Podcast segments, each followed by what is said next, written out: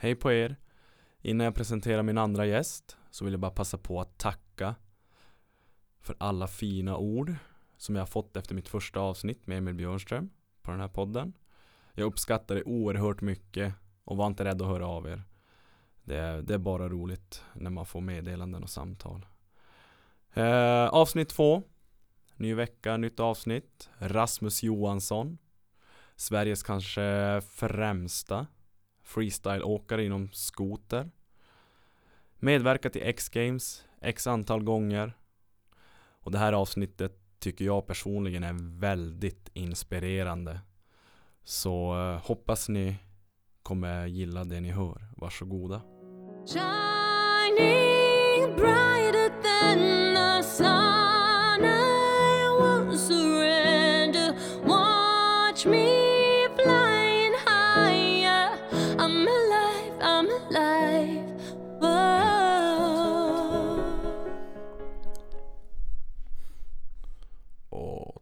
tre, boom! Rasmus Johansson, du har nog gjort mer backflips än jag någonsin gjort på en trampolin. på en skoter, vill jag tillägga. Absolut, det, är nog, det stämmer nog mycket riktigt kanske. Berätta lite om dig själv Rasmus, du är ju crazy, Eh, minst sagt.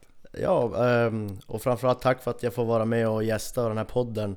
Och som sagt, jag, mitt namn är Rasmus Johansson. Jag eh, är 25 år gammal och eh, jag tävlar samt kör eh, shower med snöskoter eh, runt om i världen, Europa. Rest runt lite grann sådär och sen tävlar även i X-Games, vilket är Mm.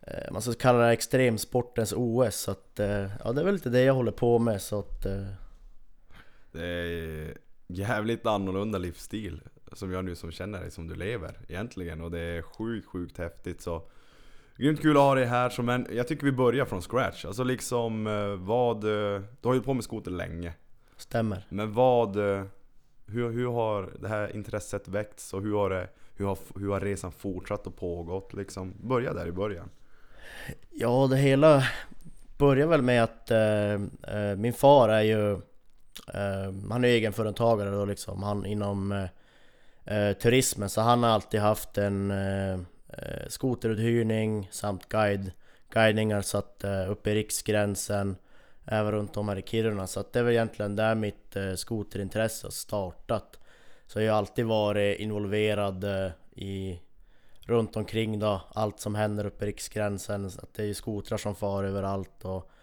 runt hans uthyrning. Så det var där mitt eh, skoterintresse har startat och jag gick väl runt Runt när det hade snöat lite grann, där gick jag runt och klappade hans Putsade av hans skotrar och klappade och sa att det, här, det, var, det var pappas skotrar liksom. Så att det är väl det där har börjat och eh, Så att jag har väl alltid haft tillgång och vara runt snöskotrar och Sådär och var, spendera extremt mycket tid uppe i fjällen framförallt. Och då sen eh, när man varit lite äldre och äldre som man eh, Ja, man såg ju mycket upp till till exempel Sledneck som De har gjort mycket skoterfilmer, galet gäng och eh, Eh, så det började med att man kollade lite på dem och eh, lite inspiration och så. Man ville, man ville börja testa olika saker själv så att det eh, Det började väl där att man eh, Började bygga handskotten och hopp där bak i husvagnen och ja, man hoppade kanske ja, en meter eller två. Och man var, man var skitnöjd liksom. Så det var väl Det var väl, det var väl där det hela började. Sen Sen har jag väl bara fortsatt eh, gneta på egentligen och eh, alltid försöka ut, alltså, utveckla sig själv inom, inom körningen och eh, alltid haft eh, likasinnade kompisar runt omkring mig som också har velat utvecklas och, och ja, sen, sen vart det så att jag köpte mig en eh, en filmkamera så att jag liksom, så vi kunde börja spela in våra egna Hur gammal är du nu när vi pratar om det här typ nu? När Okej, du... okej, ja, eh, jag, ja, vad kan jag vara? Vi, jag måste vara runt eh, kanske 13 års ålder Okej, du, ja precis Så att de här, alltså jag har ju alltid varit runt snöskotrar sedan jag var jätte, jätteliten ja, men, precis. Och kört runt och runt där runt husvagnarna och eh, Byggt de här små hoppen liksom och sen men det var som när jag var lite, vart lite äldre eh, Som då Som jag då köpte den här filmkameran och så Mm. var det jag och några polare Ehm, Ja vi får ju alltid runt och försökte hitta bra kullar som man kunde hoppa på och Mm. bygga egna hopp och försöka, ja filma då liksom och sen eh, Slutet av säsongen lägga ihop en liten videosnutt som man kunde lägga ut på Vad var det nu, Facebook eller om det var massa bilder på Pixbox kommer jag ihåg fanns ju också Lite nostalgi Nej så det är väl lite eh, Där har börjat och sen eh, eh, Ja vi höll på med det ett tag och sen var vi ett ganska stort gäng som for varenda helg ut och körde och bara hade kul liksom Skottade hopp och lekte av oss och driver och Filmade ihop det här, där kanske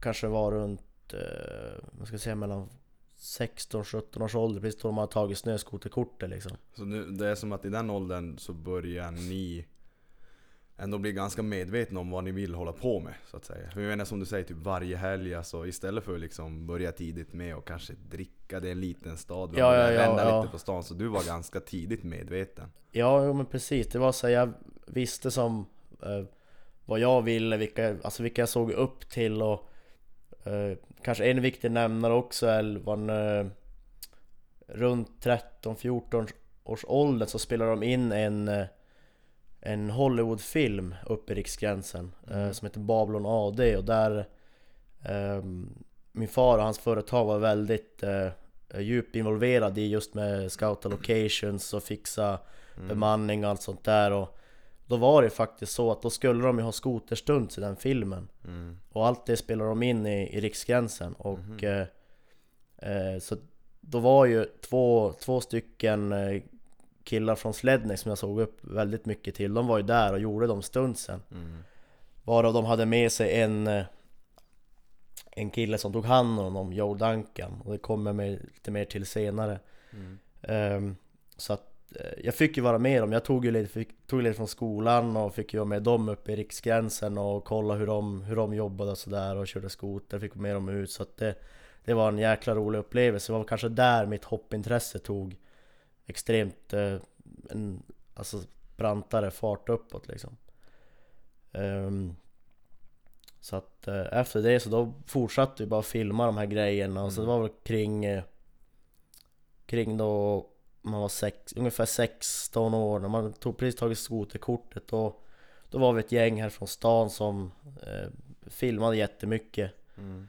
Ehm, Och sen, ja jag ville ju som producera egna skoterfilmer och göra det så Gjorde det och den filmen fick ganska, ganska bra spridning på, över, över nätet överlag liksom och, Liksom första filmen ni gör. Ja jag tror, jag har ju gjort någon lite mindre Kanske när ni var yngre men liksom Ja, men den ja ni men verkligen riktiga så här, på. som jag verkligen ville skulle bli bra, som jag Ja. la ner mycket, mycket tid på Ja precis. Och den spred sig ganska bra liksom och så här, då Sen eh, eh, Ja, tänkte man skulle fortsätta på det spåret men det är liksom, jag såg ju upp till de här De i Slednex och Rough Riders och Mm. ehm, Och då var det som Bara en vacker dag typ på På hösten så var det en polare till mig som Som ehm, Frågade mig liksom såhär bara fan har inte du hört av dig till Grimborg liksom? Grim, Petter Grimborg är han som Startade Rough Riders då Mhm. Skotergänget från, från Gällivare som gjorde liknande filmer som Slednex Mm. Så att eh, han frågade mig liksom bara, Har inte du hört av dig till Petter Grimborg? Jag bara nej, nej det har jag inte gjort Så de bara, ja fan du borde Du borde prova liksom Mm. Så att då var det som en såhär bara, oh shit kanske jag ska göra Ja. Och det var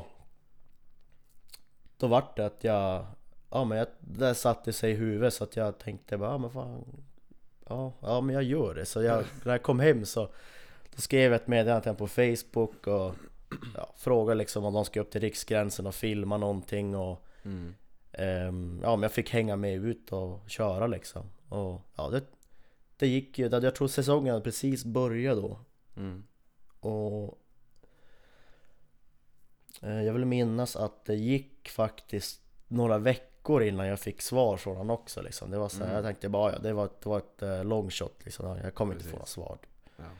Sen eh, några veckor senare, typ närmare vårkanten eh, Så får jag ett svar av honom liksom att eh, Ja, ja fan. Eh, absolut, du får hänga med oss ut och köra liksom. Jag och Jimmy Blaze kommer upp om en vecka, kan du hänga med? Och jag bara såhär, wow shit. Så här, då hade jag ju skola liksom under vardagarna så här, så jag tänkte bara, men Ja, jag, jag, jag måste vara ledig liksom, så jag gick till mina lärare och sa men jag måste vara ledig, jag ska upp till Riksgränsen och köra skoter Ja. Och de sa men du kan inte ha ledigt liksom, så jag bara jo men jag måste, jag måste liksom Ja. det, det går inte, jag kan inte vara Men då var jag, så här, jag hade aldrig något problem med skolan så sätt att Nej, jag, precis. jag hade eh, Det var liksom det, det enda kravet att jag skulle ha godkänt i alla ämnen jag tog, tog Mm. mig an liksom och det var Så att Ja det slutade med att de dök ju upp då, jag tänkte Jimmy Blaze var wow, han är ju liksom Han var ju jättestor på den tiden, tänkte Mm. shit vad coolt att få köra med han.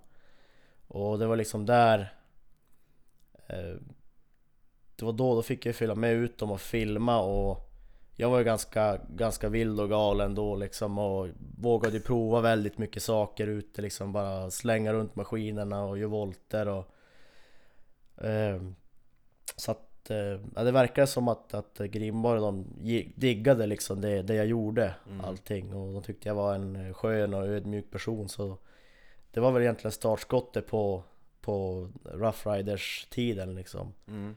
Där de, de har ändå producerat Åh, kan det vara?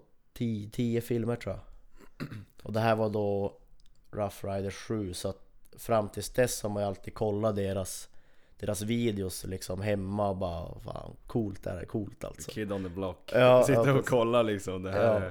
Så egentligen de sista sjuan, ja men åtta, nian, tian var du själv med i då eller? Ja men precis, så det är det som var så himla coolt för jag var Då när vi var ute den här, det var ju som, det handlade om en En till två veckor eh, På vårkanten som de var där uppe och filmade liksom för sjuans film Mm. Och Ja, jag tänkte inte så mycket. Jag, jag var ju bara glad för att vara med och, och, och köra liksom och så här. Och Petter han filmade ju på och, jag fick ju framförallt träffa alla som var med i crewet och det var, det var riktigt kul att man har sett upp till många av dem. Inspirerande. Ja, väldigt inspirerande. Och eh, ehm, Ja, det var, det var en grym säsong liksom överlag och sen eh, Så har de ju alltid haft en, en filmturné på hösten Mm. där de, de eh, har olika releaseturnéer och liksom eh, Ja men Sverige, Norge, Finland, och ha olika stopp i olika städer liksom och visade filmen.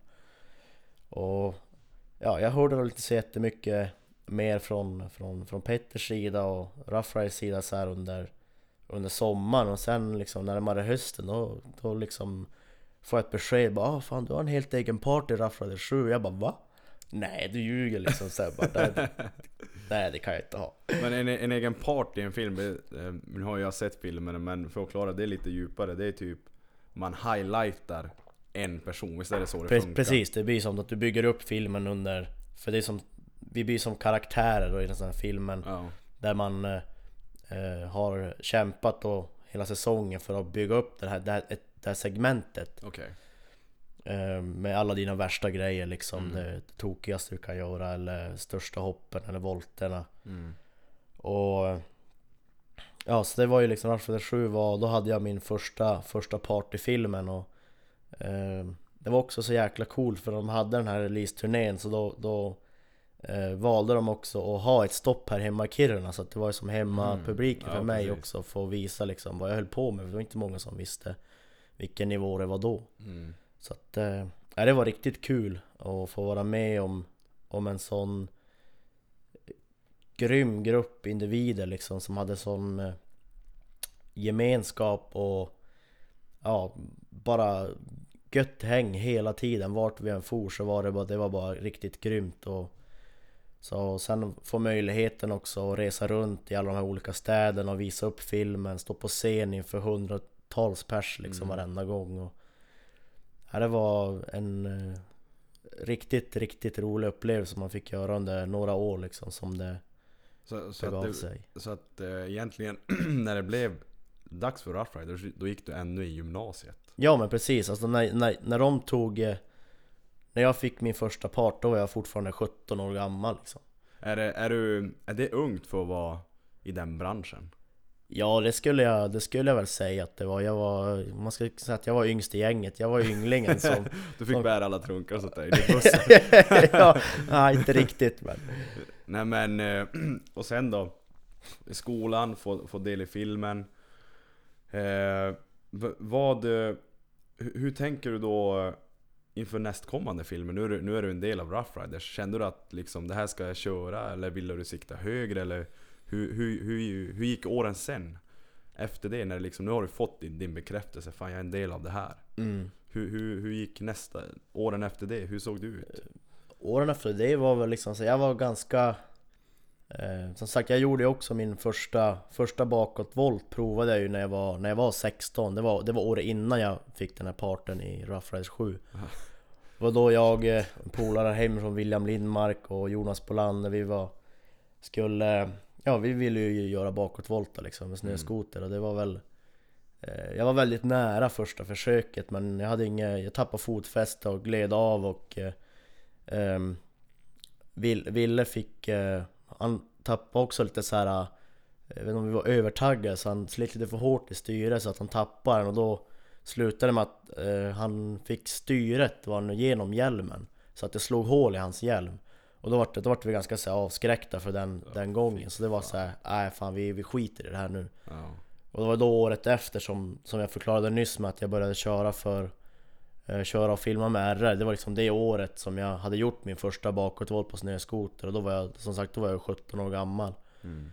Ehm, och sen har väl efter Efter det, alltså när man fortsatte göra de här Rough Riders filmerna liksom, det var ju det man såg Fram emot säsongen att man eh, Ja, skulle få åka ut med det här gänget igen då och producera nytt material och Det var ju inte alltid bara uppe i riksgränsen, vi får ju till andra ställen också och körde och det Det var kul på så sätt man fick eh, se sig omkring. Mm. och eh, jag har väl alltid Alltid tyckt att just freestyle är någonting som jag eh, Tycker är väldigt coolt och har har haft ett in, stort intresse för Mm. Så jag har som alltid så försökt, eh, ja men eh, Hoppa lite så här ramp Testa hoppa, göra några små tricks i De här yngre åren och sådär Men aldrig kommit till någon eh, Någon insikt liksom att man verkligen ska satsa på det Mm. Ehm, Så att de här första åren var väl egentligen, det var ju mest friåkning, det är ju där i grund och botten som jag kommer ifrån Alltså Mm. friåkningen, stora hopp och volter och eh, pudersvängar liksom Mm. ute i fjällen Det är väl där jag, där jag kommer ifrån grund och botten. Men just med eh, För Rough Riders-filmen fortsatte ju produceras 8, 9 Sen hade vi Rough Riders X. Den producerades 2014 om jag inte är helt ute och cyklar. Mm. Och det var väl 8, 9 Då var det väl mer liksom att jag eh, Var fortfarande mer inriktad på den här eh, friåkningsbiten Mm. Och jag Det var liksom det, det jag ville då var att Göra det, hitta eller försöka producera det sjukaste Materialet jag kan åstadkomma liksom i backcountryn Mm. Men eh, Sen var det liksom 2000 Hösten 2013 blir det Så det blir som eh, årsskiftet till 2014 Precis. Då var liksom, då bestämde jag mig verkligen, men nu, nu ska jag, nu vill jag satsa fullt ut på freestyle Mm. Att jag vill bli ehm, jag, vill bli jag vill bli bäst i världen på det helt Mm. enkelt Och då var det, då hade jag möjligheten Jag hade varit hoppa lite så ramp så bara testa Någon gång tidigare med Med en eh, bra kompis till mig idag Då visste inte han riktigt vem jag var eller vad jag, vad jag höll på med. Mm. och då var vi i Gällivare, jag hade, ing, jag hade ingen körkort, jag tog med mig min, eh, min polare William, han fick köra eh, farfars 245 och jag hade skoten på släpet. Rullar in var en eh, på crossbanan där i Gällivare. Och jag kan ju tänka mig att Anders kanske, Anders Eriksson förresten som, som jag tränade med då. Jag kan tänka mig att han, eh, han bara såhär, vad, vad- är det här för lirare? Vart kommer han ifrån liksom? Och så, jag var ju såhär, jag var liksom glad, jag var ju sjukt pepp att jag skulle få hoppa ramp liksom på Mm. 21 meter och köra med An- Anders liksom som jag har sett upp till Så han, jag lastade ju av bara, började varmköra så här och vi skottade av inrun och surrade vi surrade väl inte så allt för mycket i onödan och sen så frågade jag mig liksom bara så här bara Ja men har du det här liksom nu? Och bara, jag typ såhär bara ja för fan det här har jag, det här har jag, det är inga problem. Självsäker som tusan och så Så han bara ja ja, ja absolut. Typ så jag ja, varmkör ju bara skotern och sen dundrar jag bara in i rampen och så landar jag ju klockrent liksom. Så Mm. att jag har ju tajmingen och jag kände ju bara fan vad coolt jag hade det liksom. Mm. och han, då vart ju han ganska såhär bara "Åh, ja jävlar.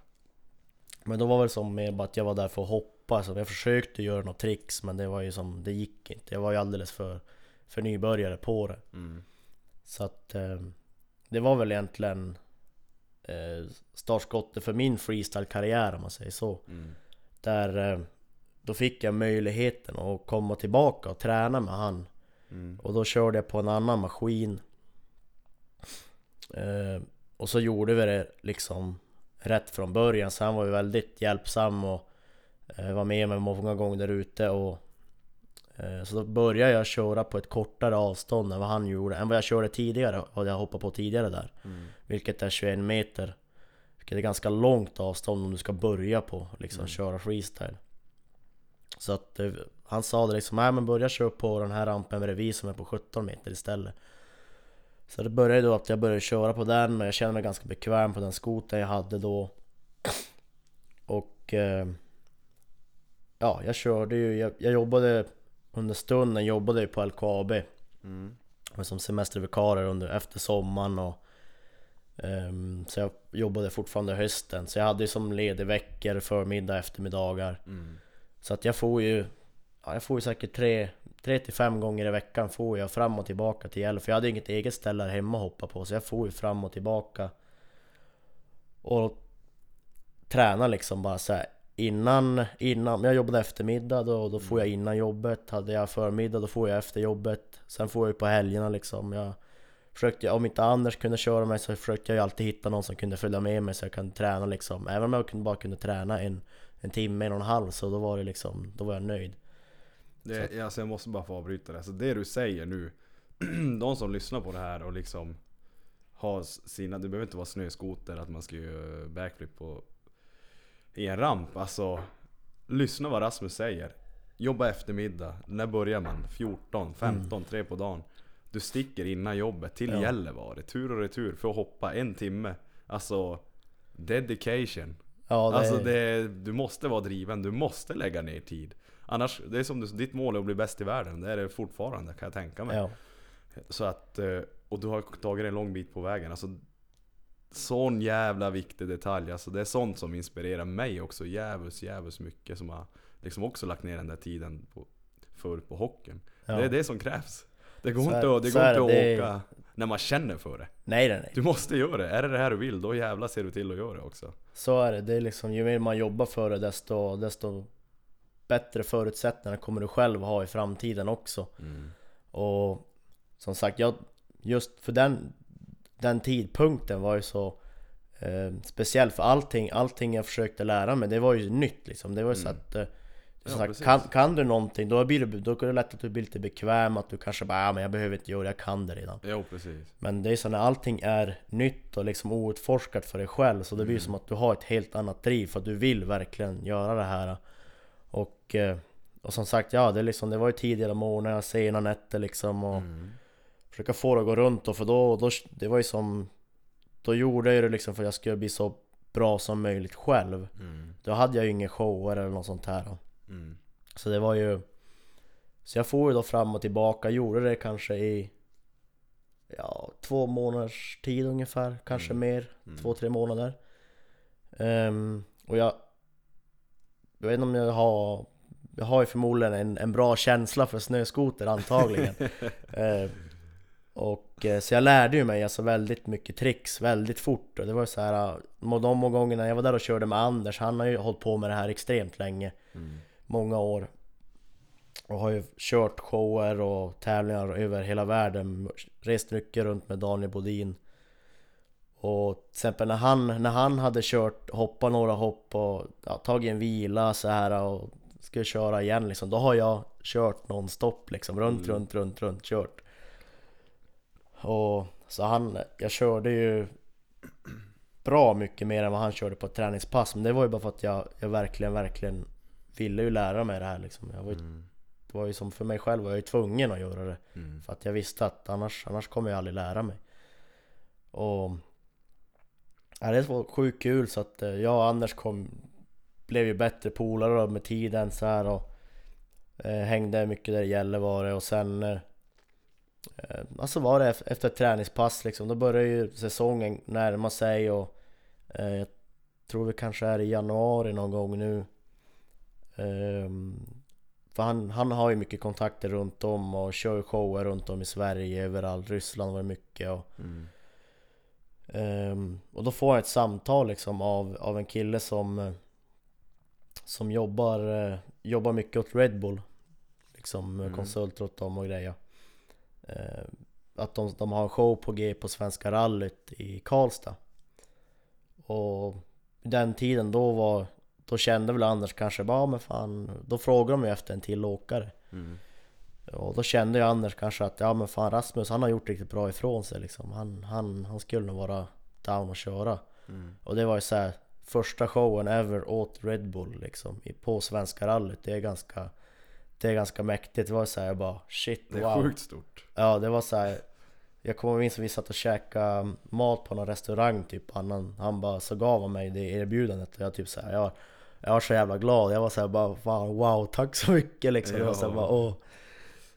Ja det var, det var sjukt kul faktiskt så det, det var väl egentligen eh, Ja det var ju min första show jag fick liksom Mm. Och det var direkt åt, åt Red Bull på Svenska rally vilket är jättestort Det kommer ju sjukt mycket folk från olika länder som tävlar i rally Mm.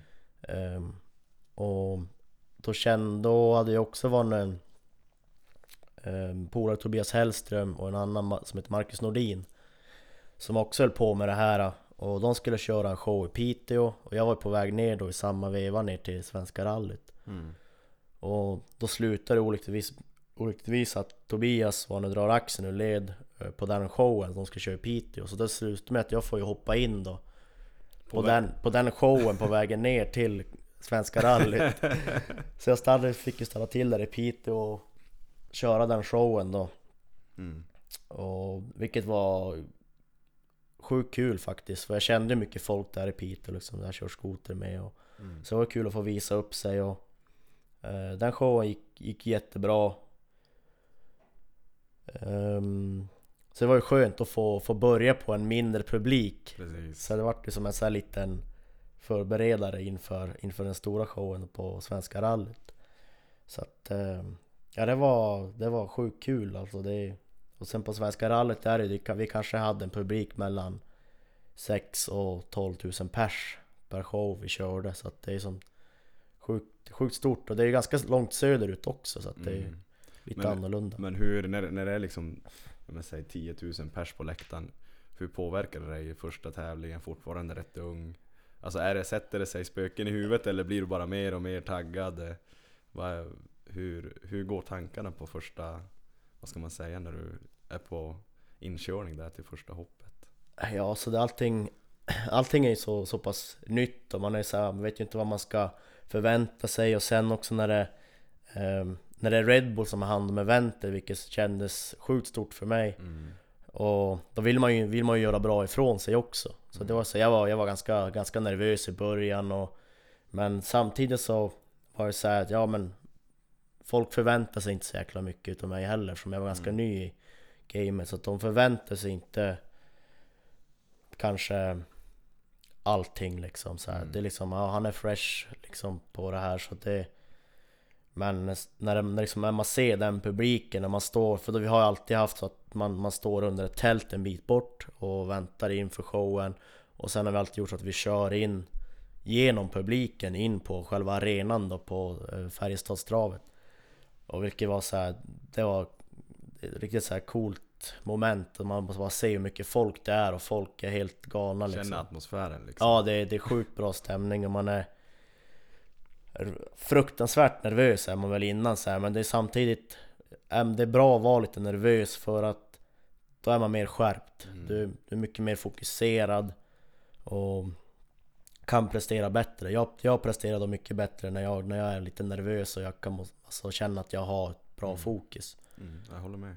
Så att eh, ja, det var sjukt kul faktiskt att få köra de första showerna där och sen Sen efter det så har det väl egentligen bara fortsatt. Så Mm. att jag har väl under den, under den tiden eh, både kört shower och så har jag väl jobbat vid sidan av det liksom. Mm. Somrarna mycket. Och så lite, lite småjobb här och där under vintrarna. Mm. Så att... Eh, det är sjukt kul faktiskt att man får... Eh, får eh, göra det man vill liksom. Man kommer den nivån och det var även om inte... När man... Då när jag väl började tjäna, eller började köra vanliga shower så var det sen, det var inget dunderbra betalt liksom. Men det var som man gjorde det mer bara, fan vad kul liksom. Mm. Och det var ju kul att få kunna tjäna pengar liksom på, på det man ja, gillade att göra. Precis, men hur, men säg att du kör en, en, show då. Är det några prispengar eller liksom hur, hur, hur eh, livnär man sig typ om man bara kör shower? Är Ja, det, det- så? Det blir ju vanligt att du, har, du måste ha din egna, ditt egna företag eller F-skattsedel så att du kan fakturera dem. Eh, annars, annars blir det väldigt svårt. Så det blir som, man blir en egen företagare i sig. Mm, Så att du kan fakturera, ja men säg både sponsorer och, eh, det, ja. och eh, kunder och liksom som hyr in dig till event. Så att det, är väl, det är väl så det funkar egentligen. Det är väl vanlig, vanlig företagsverksamhet. Mm. Men eh, du har ju du har lite sponsring idag va? Eller får man, får man säga sånt? Jo, jo, nu har jag väl en, en del sponsorer idag faktiskt. Så att, eh, För det, vad, är- vad är det som, hur påverkar det dig? Det måste ju vara en stor ändå kugge liksom Ekonomiskt och vad, vad, vad har du för sponsorer till att börja med? eh, Vilka är du sponsrad av? Jag har haft en del olika sponsorer genom åren Men eh, om man ska säga Nu idag så är min huvudsponsor är ju BRP Skido Okej. Eh, Märket som jag kör. Mm. och eh, eh, De hjälper ju mig med, med maskiner och, och reservdelar och sånt här. Mm. Så att det är väl det är ju Framförallt liksom det är ju, det är ju sjukt bra att ha en sån sponsor i ryggen. För jag menar ehm, Annars måste du stå för, stå för allting själv. Och det är en enorm kostnad. Med tanke på att det, ja, men det, det kanske flyger lite reservdelar här någon gång då och då. Och man, man har en obehaglig krasch eller något sånt där. Så att det är, Mm. Det är en enorm, kostnad att, att driva runt också jag tror, inte, jag tror inte många tänker på det faktiskt att det, det kostar faktiskt också att köra väldigt mycket Ja verkligen, men så egentligen Så det funkar typ att ja men fan eh, Skido, du tar upp telefonen Jag kraschar här, behöver en skida typ Eller vad det nu man behöver Så skickas det på posten, är det så det funkar typ eller? Nej, det är väl inte riktigt så. Det är väl, det är väl mer... ehm, tidigare så har det varit så jag har också, jag är också sponsring utav eh, en lokal handlare här i McKinnon, B Lundströms maskinaffär är säkert bekant med. Mm. Så har också hjälpt mig sjukt mycket genom åren. Ehm, så att det är väl liksom de, de, eh, de är ju återförsäljare för BRP och Mm. alla de här reservdelarna och eftermarknadsgrejerna så att jag kan gå egentligen gå in där och så beställer jag grejerna via dem då så Okej. skickar, skickar BRP det till mig Så att eh, det är väl lite så det funkar och det är som sagt det, Det är väl det som krävs också du, för att kunna köra på den här nivån du är på Ja, det som sagt det måste vara Det ska funka smidigt och så här att man inte Som sagt står man utan maskin att den är trasig eller så Mm. då Det är klart då kan du inte Kan du inte köra showerna, du får inte in de pengarna du behöver och det är liksom du, Mm. du måste ju hålla dig själv eh, rullande hela tiden Så att eh, eh, Sponsorerna gör en oerhört stor del i, i, i min satsning faktiskt Så att det är väl Skido, BRP, Lundströms är väl egentligen mina huvudsponsorer Sen har jag hjälp från en massa lokala van, eh, företag Till exempel Hydro, Kram och Okej, ja Fjällborgs entreprenad liksom. Det är så här, som personer som jag är bekant med som, som tycker det är kul det jag gör och vill, mm. vill hjälpa mig liksom. Så det, Ja, de det, det, det är sjukt uppskattat Precis Ehm, Men denna man Rasmus, hur många X-games har du kört? Oj eh, Och så vad var det du förklarade? Det är som skotens OS va? Ja, extre, extremsportens OS Extremsportens OS Så hur många har du hunnit medverka i? Ehm, Jag har varit Se nu, vad blir det? Ehm, jag har varit där fyra gånger nu tror jag Varav att jag har tävlat tre gånger Mm. Och Hur gammal var du på första? Första gången var jag eh, 21 Hur var det då? Var det någon som, var det så här wildcard då eller? Hur, hur var det? För det var borta i USA va? Ja, jo precis. Det var eh, i Aspen, Colorado Så att det, det var ju hur, nog... hur, hur vart det till? Hur, hur fick man sin första X-games Ja, det var lite det jag tänkte jag så nämnde tidigare, var Joe Duncan Okej kan jag komma till nu då. Mm. Ehm, Det var lite så här att jag, som sagt eftersom min freestyle-karriär tog fart och jag lärde mig mer tricks hela tiden och, Mm. och då la jag la ju upp ett mål för mig själv att, att uh, ja men Jag kommer inte ihåg vilket år det här var men Då la jag upp för mig själv eh, att jag eh, inom, inom tre år Då vill jag köra X-games liksom. För jag, jag visste att jag hade förmågan till att ta mig dit. Mm. Men jag la upp ett, ett, eh, ett, ehm, ett mål där jag, som jag ansåg var liksom rimligt. Mm. Ja, men jag tänkte ja, inom tre år då vill jag köra X-games. Och eh, då är det så lustigt för att han som har hand om hela motorsportsdelen på X-games Det är ju den här Joe Duncan då Mm. Som jag träffade när jag var 13 uppe i Riksgränsen Som var där med Slednix Ja precis och jag vet, jag har ju någon gammal filmkamera där, någon filmklipp där han har filmat sig själv och gjort intervjuer med de här med Chris Berant och Paul Tacker då. mm. Ehm, så det är så, det roliga var att liksom, jag har ju träffat honom i mina yngre dagar och han visste ju vem jag var så jag, jag, eh, jag skrev till han på Facebook Mm.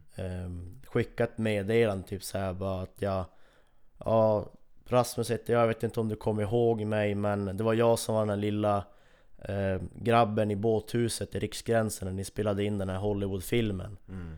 Eh, Och eh, jag skulle vilja ta mig till X-Games, jag skulle vilja få en chans att köra på X-Games Mm. Och så skickade jag liksom eh, några bilder och några, några, små, små filmklipp liksom Och då tog det några dagar jag fick svar och då var det så här, han bara No shit, is it really you? det var liksom såhär verkligen bara, bara ja Så det är liksom såhär coolt hur man, hur det, alltså Hur det kan utspela sig att någon du träffar Mm. tidigare i ditt liv kan ha eh, Liksom en vändpunkt för ditt liv någon annanstans liksom Mm. så det var så här, då, eh, ja men då var ju processen igång och eh, Jag skickade in alla Absolut det bästa jag kunde göra då Jag hade ju inte dunder mycket trick just vid den tidpunkten Men jag visste jag kunde göra bakåtvolter och Kunde göra någon flip-combo liksom när man gör ett vanligt trick i en volt då liksom Mm. och ja, det var ju så kul då att, eh, att då var ju som bollen i rullning och eh, eh, jag visste att det skulle, det skulle vara kämpigt att ta sig in eftersom de som eh, körde då på den nivån var ju brutalt mycket bättre än vad jag var. Mm. Men eh, då visade det sig att då har de ju åtta stycken som är tävlande och så att eh, så är det två reserver då. Mm. Så att eh, eh, slutar med att jag, jag får en, eh, en alternate invite reserv så jag är res, eh, blev andra, nej första reserv kanske jag var Mm. Så att jag får en sån invite och jag tänkte bara shit fan det här är ju hur stort som helst Det här är, hur stort liksom, som helst Ja, och så jag bara wow Och Ja, så jag tänkte liksom så här, ja, ja men nu när jag har fått den där då Nu ska jag ju bara, nu måste, nu måste jag fixa boende Nu ska jag fixa, jag måste fixa en skoter där borta mm. Du vet så allting börjar säga bara, äh, vänta nu hur fan löser jag det här då? Mm.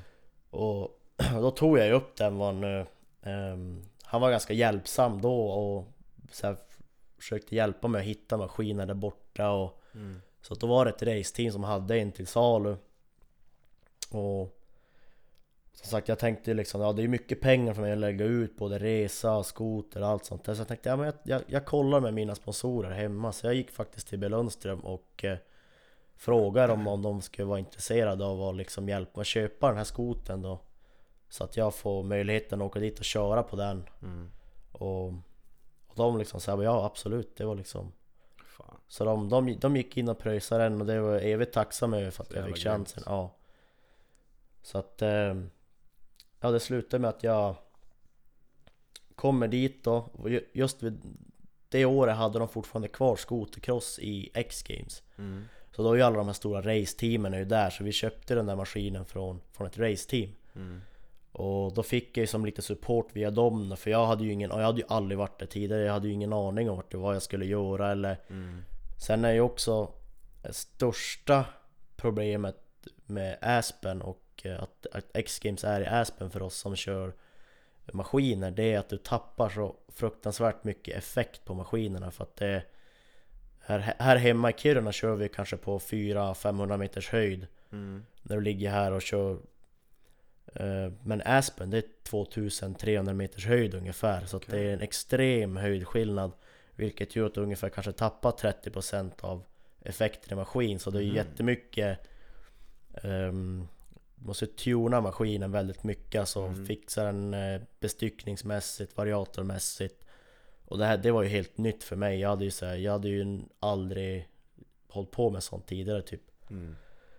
så jag kände väl eh, när jag kom dit och sen de, det var ju bra att jag fick support från det raceteamet lite grann att de, För då var det också en, en kompis till mig, Adam Renheim som tävlar skotercross i USA Han körde för det teamet då Mm. Så att det var ju så skönt att han, hans familj var ju där liksom och de var väldigt mottagande och, och, och det var skönt att ha någon att prata svenska med liksom Mm. Så att, eh, ja, det var ju första året, då, då var det som Jag var ju fortfarande bara där och skulle vara reserv så jag var ju inte egentligen med i tävlingen i sig Mm. Så jag fick ju bara chansen att köra på banan eh, Känna hur allting funkade och liksom vara med på alla träningarna innan tävlingen Mm. Och för mig var den här omställningen just med maskinen och köra på en helt annan maskin Samt att du tappar så mycket effekt och inte, inte riktigt veta vart du ska för att få återfå den effekten Mm.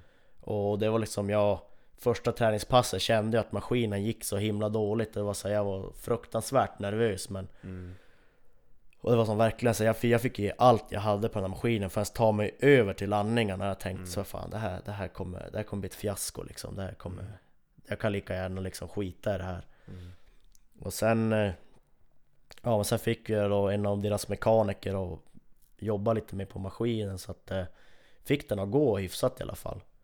Och då, var, då, fick, då fick jag ju genast tillbaka självförtroendet att man säger bara men nu, nu, nu vet jag att jag kan lita på den, den maskinen jag kör och, då vet jag då är det bara att köra fullt ut. Mm. och då hade de ju som sagt det skotercross-racet kvällen innan. Eh, Och Levi Lavalli som är jättestor inom den här sporten, han, han skulle köra det, han körde skotercross-racet Samt att han skulle köra freestyle efteråt, på, eh, kvällen efter.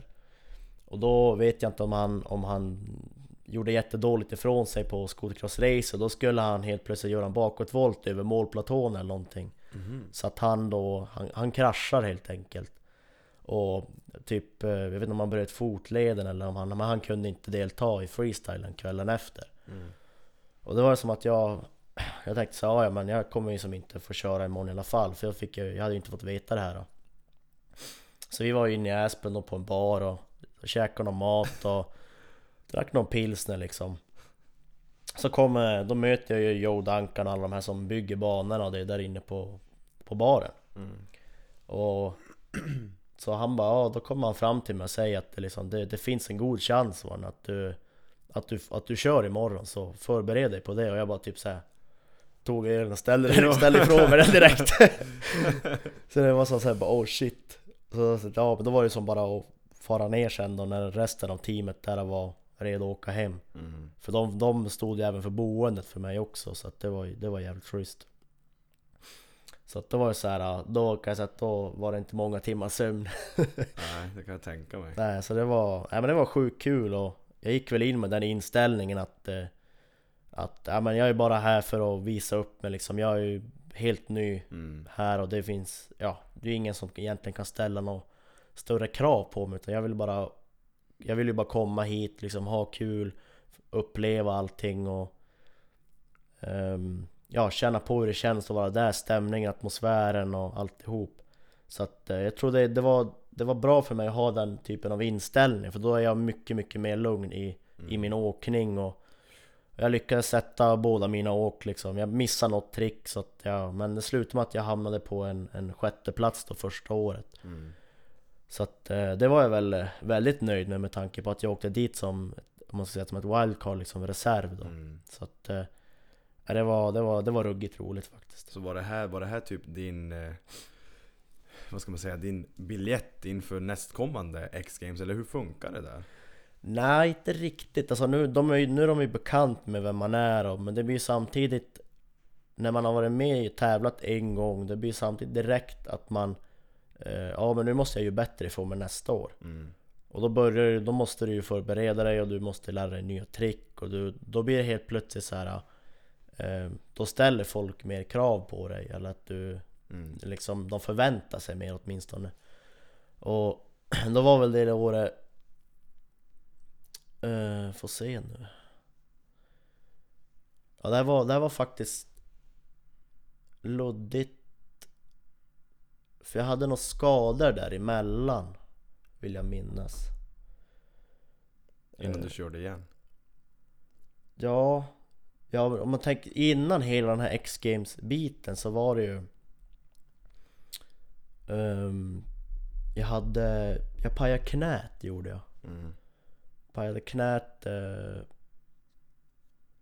I riksgränsen, jag Vi var gjorde några hopp och som jag höll på att slänga trick i liksom och Mm. Det var ganska så här mjuk, slushig snö så att, Och så var det som en ganska stor step down så det slutade med att jag eh, Gjorde ett trick där jag liksom förflyttade, tog tag i dynan och att jag råkade dra till skoten på något vis och sen när jag kom tillbaka till maskinen så eh, Så var det bara som att hela, kände att hela högerbenet vek sig Mm. och så att det vart kom som ett pistolskott typ ungefär genom, genom kroppen, att det bara small till. Då var det så här paniken.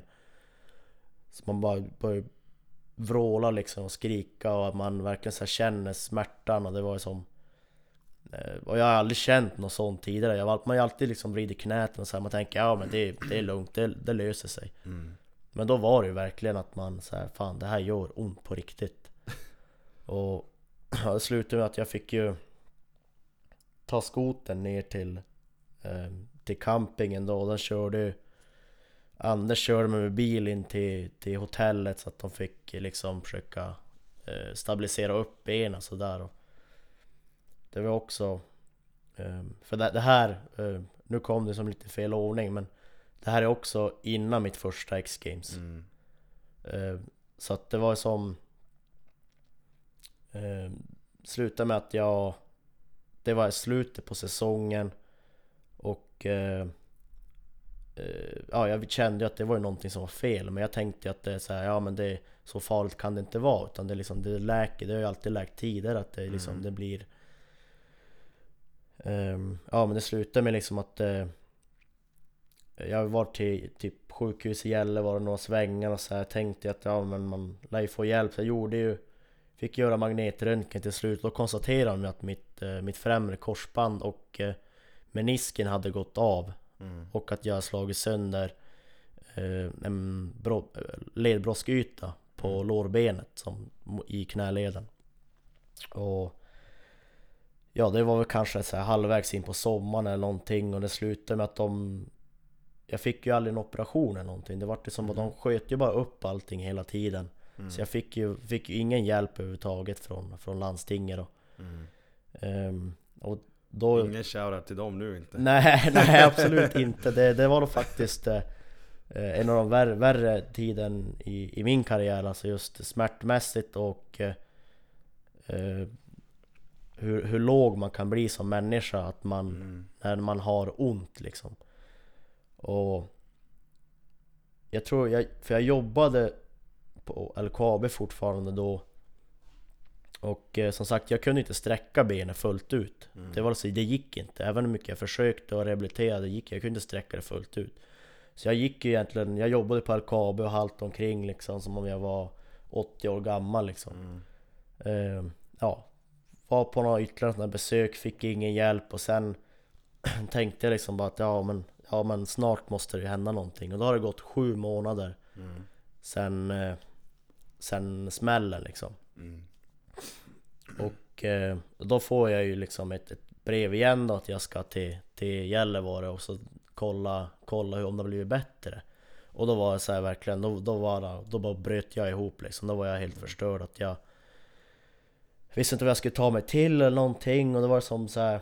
ehm, Då hade, då ringer Daniel Bodin till mig och eh, erbjuder ett, ett, ett jobb i typ Schweiz eller Alperna Det var, Mm. de ville ha stunds till en James Bond-film Mhm. Och det var så här. Jag bara Va? Jag bara, så jag bara ja men alltså jag är skadad, jag kan inte göra något jag Jag, jag kan inte göra, alltså jag, kan, jag kommer inte kunna köra skoter i vinter liksom Mm. Han bara, äh, du åk, åk, ring något sju- privatsjukhus, köp en operation det, det, det, kommer, det kommer liksom få igen de pengarna sen Skit, skit Mm. åk dit, gör det nu Och då var så här bara Ja, fan det, det kan jag göra liksom Mm. Så Slutade med att jag ringde då till Hermelinen i Luleå och de eh, fick ju kom, komma på operation då Typ tre, tre, fyra veckor efteråt det där då. Mm.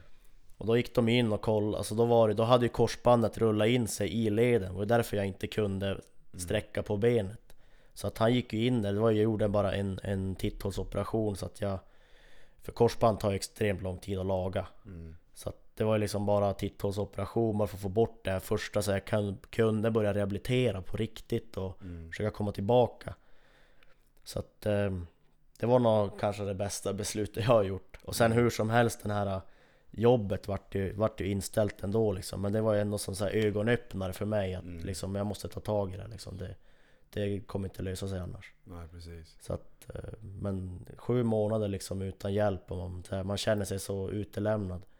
Så att det är sjukt, sjukt trist att det ska vara så ibland.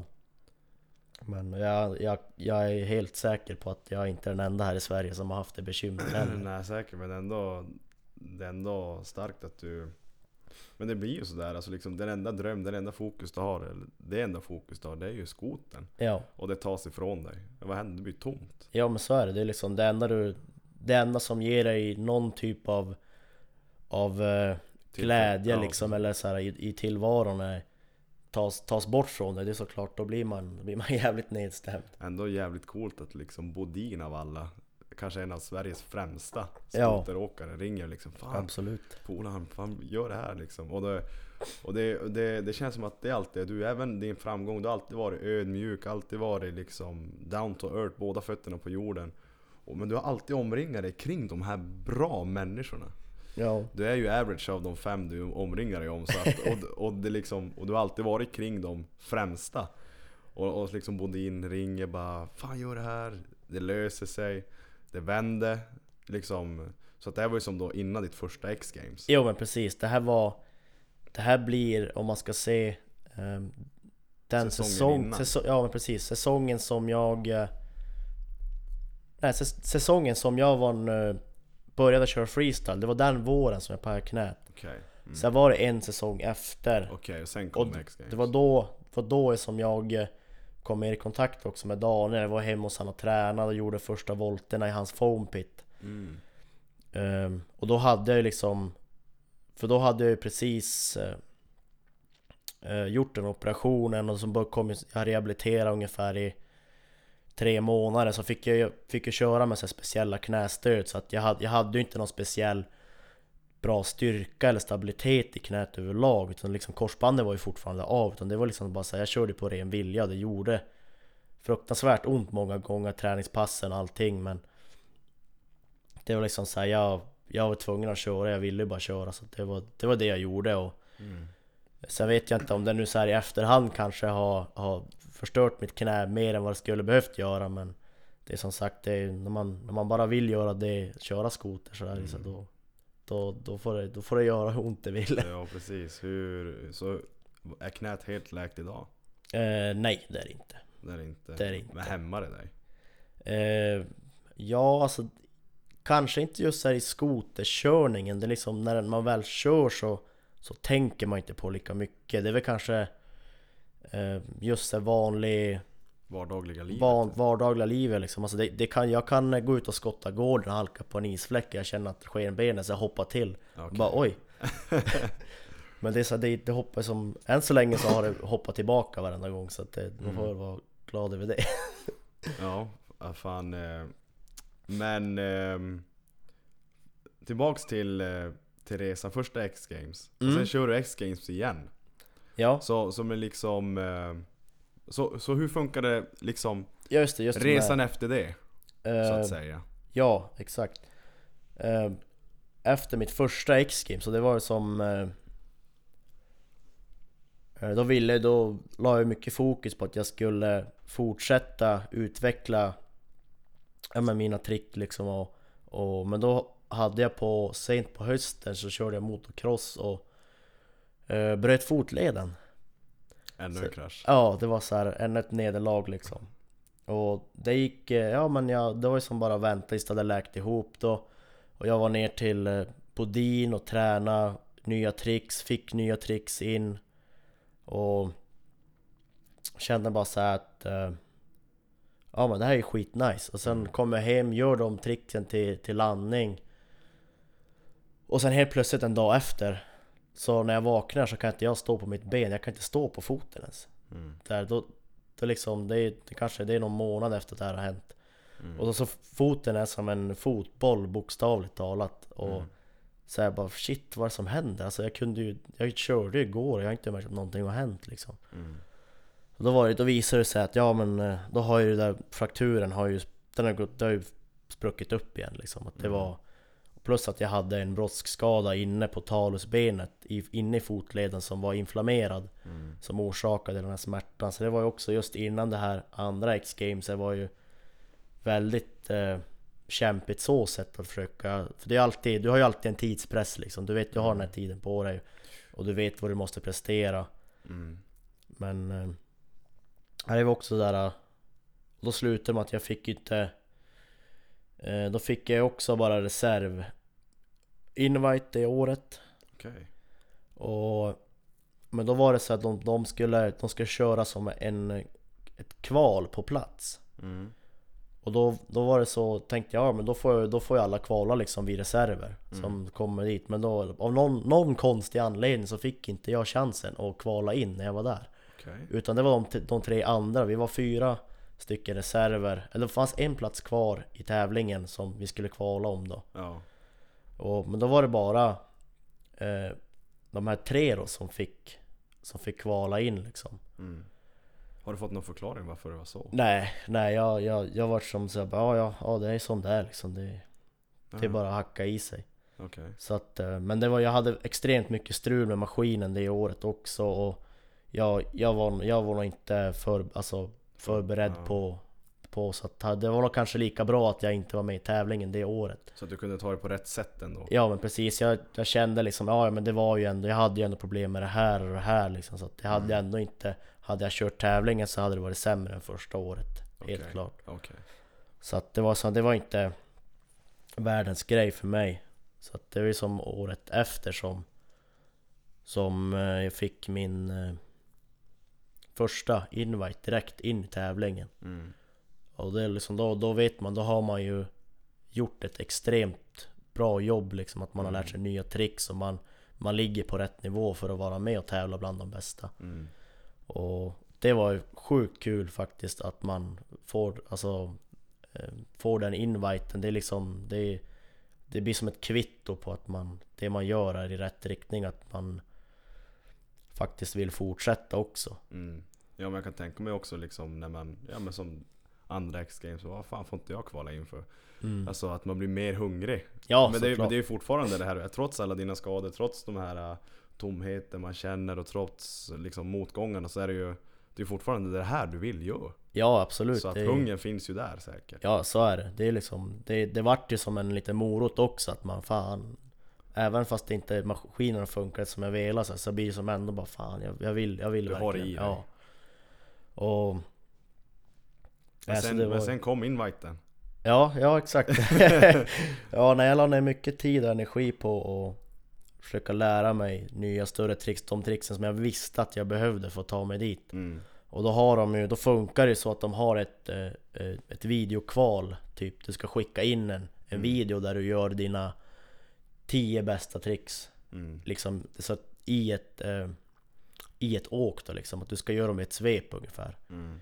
Men det är väldigt svårt, det är sjukt stor press liksom att slänga det största du har liksom på ett träningspass bara så här, och få filma det Så att det slutar med att jag liksom, ja men jag tänkte ja men jag Jag lägger upp det så att jag jag vet jag är ganska duktig på att redigera och just video och sånt där. Mm. Så jag tänkte, ja men jag, jag ber Tobbe och Ella var en, eh, eh, filma mig när jag kör liksom och sen klipper jag ihop en, en bra edit som jag kan skicka till dem liksom med bra material och stora tricks och och det, verk, ja, det verkade som att de, de, de gillade det de såg så att, Och sen la jag framför ut, jag la upp en strategi att ja, men jag lägger ut det här på På Facebook och Instagram så Mm. att jag Och så lägger jag, lägger jag några hundringar i marknadsföring på det Mm. och så försöker få polare och sånt och dela det så att det sprids. Och jag fick en enorm spridning på, på videon, på, på Facebook och Instagram. Så att jag tror det hjälpte mycket faktiskt att, att de ser för att, att den, ja, men, han har ändå mycket föl, följare som,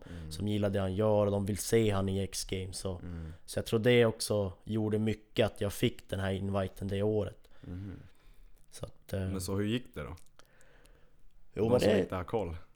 Det gick bra, det gick bra faktiskt. Jag, eh, till det här året var ju liksom, då hade vi sålt den här gamla maskinen och eh, vi fortsatte på samma spår med deal att de hjälpte mig med maskin. Då fick jag även stöd från BRP. Eh, då har jag en helt ny maskin för året och det kändes ju mycket, mycket bättre. Då vet jag att den, den här den är fräsch liksom, den har inte blivit racead och, och så att jag hade betydligt mycket bättre förutsättningar och jag visste att jag, liksom, jag har bra chans, jag kan ta mig på pallen om jag, om jag verkligen, verkligen vill. Mm. Ehm, och jag lägger faktiskt första åket riktigt, riktigt bra varav jag missar, jag missar ett trick Mm. där jag inte riktigt får full, full utsträckning. Eh, som jag, jag, jag tror att det, det, hade jag fått det tricket utsträckt då hade det resultatet kunnat vara annorlunda Mm. Just då men eh, sen, eh, sen blir det väl liksom så här, jag vet inte, jag tror att jag blir lite överladdad till andra åket och eh, Ja, jag kraschar på, på det tricket då för då får jag sträcka ut det tricket men jag kommer lite kort och eh, eh, Ja, voltar lite ner för landningen typ. Mm. Så att det var så här, det var ingen far, kraschen var ingen farlig i sig och jag slog mig inte alls Men ja, det slutade med att jag, jag hamnade på en fjärde plats i alla fall så att man Trots en krasch. Ja Så att man är ju och nosar på, på pallplats Så Mm. att det är ju eh, Riktigt roligt, jag var ju sjukt nöjd med en fjärde plats för det var ju improvement från Från första året jag var med då jag, då jag Mm. kom sexa Så att det var ju två pallplatser bättre och det var ju Såklart medalj hade ju varit mycket ljuvligare men som sagt jag var ju, jag var ju sjukt nöjd över min prestation då att liksom Det är fortfarande, det finns mycket, mycket att jobba på och Mm. eh, sånt så att Men du har ju inte gett upp där, eller hur? Du, Nej nej nej nej nej, Så att vad, vad vad är planen nu då? Hur, hur, ser, hur ser den här säsongen ut som, som kommer för dig? Eh, Min säsong nu, jag har ju varit mycket nu Du har gjort några shower. Ja, eh, jag har varit nu under sommaren eh, Framförallt stort event Norliamässan i Umeå Där jag kört en show åt min samarbetspartner BRP eh, Sen fick jag också chansen Köra två shower var nu i Ryssland Mm. åt, eh, åt en eh, kille som kör motocross eh, för Red Bull där han Han tyckte väl min åkning såg eh, väldigt bra ut och Mm. liksom, så han, han gav mig chansen och det var lite så annorlunda för mig för då var det Skulle jag köra på en annan skoter där borta och, och Så jag fick ju ta med mig alla delar jag behövde där att flyga dit dem i väskor. Så jag flög ju fram och tillbaka. Körde showen och det också Ryssland är sjukt mäktigt alltså. Det är mycket vackra byggnader och Sjukt mycket folk och Jag hade ju som inga, inga förväntningar överhuvudtaget på vad som väntade när jag kom dit. Jag tänkte ja men det är väl någon liten, liten by eller något sånt här ute i Ryssland i Sibirien eller någonstans sådär men Nej men då är det ju så här, Då är det ju alltså en riktigt stor stad alltså Mm. Över två miljoner invånare Jag bara oh shit, fan vad coolt Så att det är väl Det var det, det var det riktigt, riktigt kul faktiskt nu under sommaren att få den möjligheten att kunna Kunna livnära sig på det under sommaren också Mm. köra, köra de showerna Och som sagt de här grejerna ger ju mer, mer jobb åt mig också så att de, de, de är nöjda med min prestation Mm. Så att eh, det dyker väl upp lite mer, mer grejer i, i Ryssland så att eh, Min säsong nu Om man ska säga från och med nu så är väl nästa grej egentligen eh, en tävling i Ryssland Mm. som är åt eh, Monster Energy. Så att eh, det, är väl, det är väl nästa grej egentligen för mig. Sen eh, eh, Sen är det ju fullt fokus på X-Games igen för de Ja. har ju börjat släppa, släppa invitesen och Mm. det är de tre Tre första eh, invitesen är ju de som har tagit pallplats då, 1, 2, 3 Så de är ju, de är ju direkt eh, kvalificerade in i tävlingen. Mm. Sen släpper de eh, Tror jag två eller tre invites kanske någon vecka efter. Mm.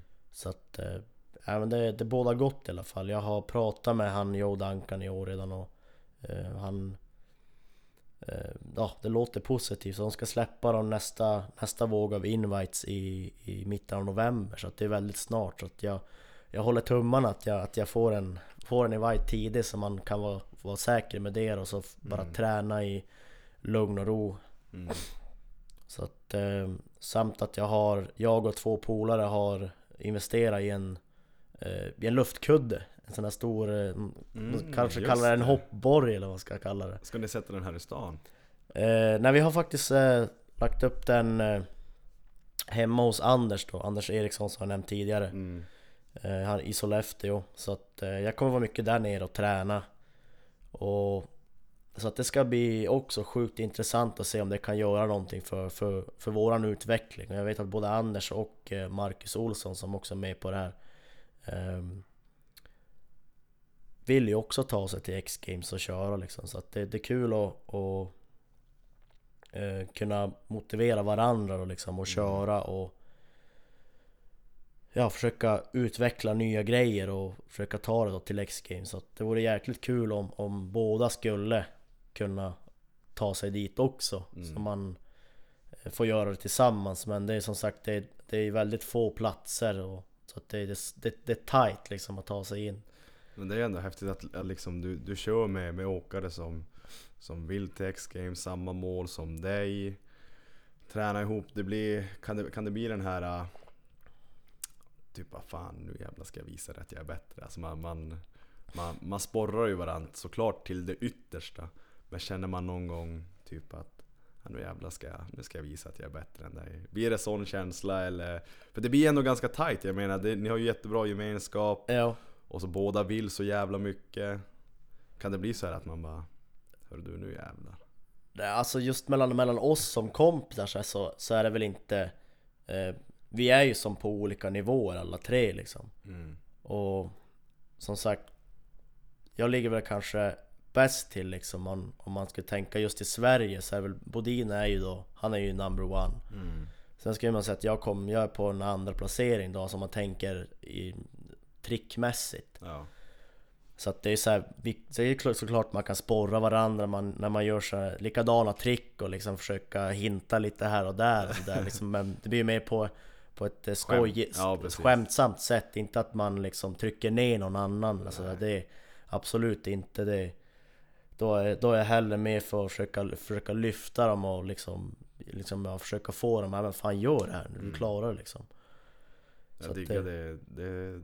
Exakt så mentaliteten ska vara. Ja men precis, jag tycker allting blir så mycket roligare och mer lättsamt om man, om man har en positiv inställning till allting samt att man kan man hjälpa någon på vägen så är det ju, det är ju guld, Mm. guld värt liksom. Åh, ja. Som sagt, det, Anders har ju varit ruggigt stor hjälp för mig när jag väl började köra freestyle och Mm. jag såg ju sjukt mycket upp till honom och det han gjorde och, och jag var ju extremt glad att bara få träna med han och han Mm. Han var ju ganska liksom petig med mig så här, liksom, när han tyckte att ett trick såg, såg eh, ut som skit, då sa han det liksom. Mm. Så du måste göra, gör så här istället. Ja. Och det var som jag, jag tog ju inte det på ett dåligt sätt, utan jag var ju mer såhär bara ah, fan, ja, men jag ska prova liksom så. Ja. Och så att, han har varit sjukt hjälpsam för mig, så nu Marcus som kommer, som är två år yngre än mig, också fruktansvärt talangfull Mm. eh, freestyleåkare och sjukt bra stil och så här. Han man försöker ju ja, men lära det man kan i alla fall. Mm. För, för jag ser ju, han har exakt, exakt den här samma glöden som jag hade när jag väl började liksom. Mm. Att det är liksom Ja, jag vet att han, han kommer köra X-Games en vacker dag. Det, det är jag övertygad om. Mm. Och såklart kan man, kan man vara med och hjälpa den personen att ta sig dit? Absolut. Mm, det, ger, det ger en så jävla mycket, bara det. Ja. Så, Och som sagt gemenskapen med oss blir betydligt mycket bättre också. När mm, man kan hjälpa varandra och det är som sagt det är, det är ju inget kul att gneta på själv. Alltså det, det, kan, det, det kommer ju de dagarna där, där, där jag känner att äh, fan, jag, jag, vill inte ens, jag vill inte ens se en snöskoter. mm, Det är så här, jag, jag vill inte, jag vill göra något helt annat nu. mm, Men sen kan det vara så, det kan vara så enkelt som att till exempel Ja men typ att eh, Tobbe eller Ella eller Marcus eller Anders liksom såhär, fan vi, vi far hit så vi kör det här, vi får ut och kör liksom. Det blir en helt annan grej när man ja, blir Liksom när man har en polare som hjälper en och man kan få ut och köra eller mm, Vare sig det gäller freestyle eller friåkning, det allting blir så mycket roligare när man har någon som brinner för samma sak. omringa dig bland de människorna som, som vill samma sak. Då, Ja, då, då går det precis, oftast det bra. Det, det tror jag är väldigt viktigt också att man, att man eh, ja, speciellt omringar sig runt folk man, man känner är drivna och Mm. eh, vill åstadkomma någonting och tycker och brinner framförallt för sporten och har en extrem pas- passion för det. Mm. Men eh, egentligen, det känns som att man hade kunnat sitta och snacka med dig i timmar och det, det är egentligen bara en, en sammanfattad historia om hela din karriär hittills. Ja Men, men, men eh, något som eh, är lite kul i dagens samhälle, man ser på dig som är ändå stor på sociala medier, att liksom Alltså du har 17 000 följare på Instagram. Jag menar hur påverkar sådana, alltså de här yttre omständigheterna, hur påverkar det liksom karriären? Är det, jag menar sociala medier är ju viktigt idag om man vill synas och man ska höras och är det, är det, en, är det positivt eller negativt det påverkar dig när det gäller karriären? Eller det spelar ju egentligen ingen roll Liksom man ska ju köpa biljetter till showerna men, men hur känner du att det påverkar dig liksom vardagsmässigt eh, genom att, att vara så stor på sociala medier som du faktiskt är? Eh, jag, jag skulle säga att det, det är både positivt och negativt liksom. Det är väl eh, eh Positivt är väl att man Du har ju en plattform där du, där du kan samla allt ditt material och eh, Just Instagram och Facebook är ju ett eh, fruktansvärt red, bra redskap för, för dig att kunna marknadsföra dina sponsorer eller ditt egna varumärke. Ja, ett extremt bra hjälpmedel. Eh, sen tycker väl jag att, att eh, i dagens läge så det är, det är jättemycket, det är mycket influencers och man kan ju betala samarbeten hit och dit men Men just den här innebörden med att vara en, en, en sponsrad en, liksom man tänker en fabriksåkare för till Mm. exempel Skido eller eh, Det kan ha försvunnit lite grann att det är, så här, det, det är så lätt för folk att du behöver inte vara speciellt bra på det du gör men du kan ändå bygga dig en, en kanal Mm. på sociala medier och eh, göra reklam åt, åt för, stora företag Mm. som du, du får en viss procentuell rabatt på några grejer eller att du kanske får lite pengar för det och så postar du det på sociala medier Mm. och jag vet att marknadsföring kostar ju sjukt mycket pengar egentligen att göra. Till exempel om tänker en typ annonsblad eller Mm. eh, stora skärmar och sånt där. Det kostar ju sjukt mycket men på, so på sociala medier så får ju företagen en extremt billig marknadsföring i form av influencers och Mm. olika personer. Så det är väl lite där innebörden med att vara sponsrad tycker jag har försvunnit lite grann. Att, det Mm. att vara sponsrad tidigare har ju varit att då är du, då är du ju eh, exceptionellt bra på det du gör. Att Precis, liksom, ja, du, du förtjänar, om, om du förstår vad jag menar lite grann. Att Ja. det, eh, det, så att det, idag kan li- liksom vem som helst göra ett Instagramkonto och börja posta liksom bra bilder och bara Mm. företag nappar på det. De säger bara ja, men här kan vi slänga ut lite Mm. merch så får vi lite marknadsföring. Mm. Och det är väl lite så här känner jag att det är väl Det är väl, det är väl, det är väl både också. Jag tycker att det är lite tråkigt att det Mm. har blivit så men det är såklart det, är såklart det Men det är ju inte du i alla fall. Nej alltså Eller visst hur? jag gör ju, jag gör ju en del betalda du är ju samarbeten äkta, så att säga. Ja om man ska kalla det äkta och äkta men det är så här, men Du är ju eh, bra på det du gör. Ja, så kan man väl säga. Jag är jävligt duktig. Sen finns det de som är sjukt duktiga på, på att just, just det här med att vara en influencer. Det finns ju folk som är sjukt duktiga på det Mm. också, absolut. Inte det jag menar, att det, det är, inget, det är inget, inget dåligt så sett. Jag förstår exakt vad du menar. Men eh, jag tycker att innebörden med att vara sponsrad har, har blivit, den har ändrats så jävla Mm. mycket genom, eh, genom åren.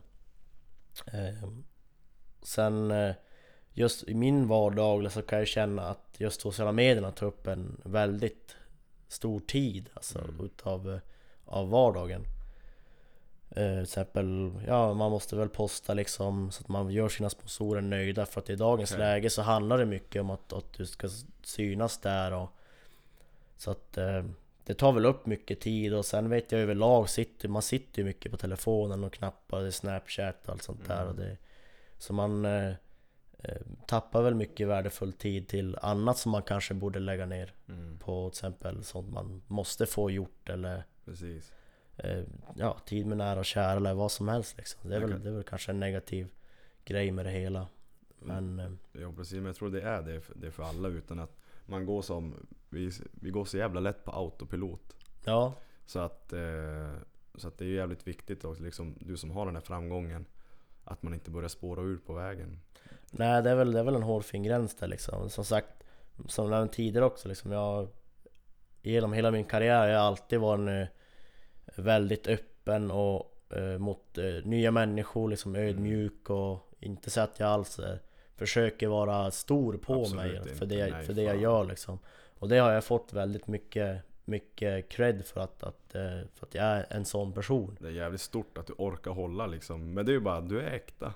Ja men det, det är väl så liksom och det är, Man vet ju många gånger så här, typ man, man är kanske ute på puben och så när man står och surrar med folk Det är ju sjukt kul Mm. Folk kommer fram och uppskattar det man gör men Ibland blir det väldigt mycket så då får man väl liksom kanske bara Toppa av det på, på, på ett snyggt sätt liksom Ja. Men eh, det är alltid sjukt kul när folk kommer fram och, och ja, men antingen vill ta bilder eller att de vill Mm. fråga någonting speciellt eller bara säga att man, det man gör är bra liksom. Och Mm. det, det är jag sjukt tacksam över för att eh, så fort man slutar visa tacksamhet mot dem som, som gillar det man gör då, Mm. då, då tror jag då är det nog slut. Ja, då, då Ganska är, fort. Då, jo precis, då börjar man nog sjunga på sista versen. ja precis. Men egentligen så ehm, Du som har den här äh, famen egentligen Du är, du är fan känd Du är fan känd Men hur, hur eh, Egentligen till dem där ute, något som eh, jag som inte har 17 000 följare på Instagram Och de där ute som också liksom jagar drömmen och försöker leva vanligt liv. Men, men hur? För med framgång så kommer haters. Du har säkert fått vara med om liksom folk som ska snylta in Som har Fan Rasmus, vi kände ju varandra i trean, vi är bästisar för fan, du vet sådär. Jag vet inte hur mycket du har varit med om det men jag kan tänka mig att ju mer framgång du får, ju mer kommer det komma Folk som är avundsjuka. Ja, det, ja absolut, det är väl det är det säkert. Jag har väl Jag har väl kanske inte haft så jätte, jättemycket Om man så kallar det haters liksom att, eh, att jag har fått mycket skit eller något sånt där Det är Inte vad jag kan minnas här Eh, Men För- för det absolut, jag vill- nu är det, nu är det ju folk som, som är avundsjuk på, på att man eh, får gö- göra det man har drömt om sedan man var liten liksom Precis, och för det jag tänker just det är bara vad, vad är din Vad är din tanke till de som faktiskt undrar? För folk Det är ju väldigt lätt att bli kränkt i dagens samhälle om man Mm. tar illa upp och det är, man läser någon mening och oj, ja, det är så jobbigt. Och så egentligen det jag undrar, alltså vad är ditt tips? Så, alltså du har tagit det så jävla långt och du fortsätter klättra. Va, alltså hur, hur ska du reagera om det kommer sådana här som inte vill dig väl, som bara är avis och... Alltså hur funderar du kring den grejen? Ja alltså Mitt tips egentligen är att jag försöker att inte eh, ta åt mig så jäkla mycket utav det Mm. de säger För Man vet ju att de, de, de gör ju det av en anledning, försöka trycka ner en Mm. Och att man ska må sämre och liksom men Det är såklart, man, man är ju där man är ut- av en anledning Man har ju jobbat så jävla hårt för att ta sig dit Mm.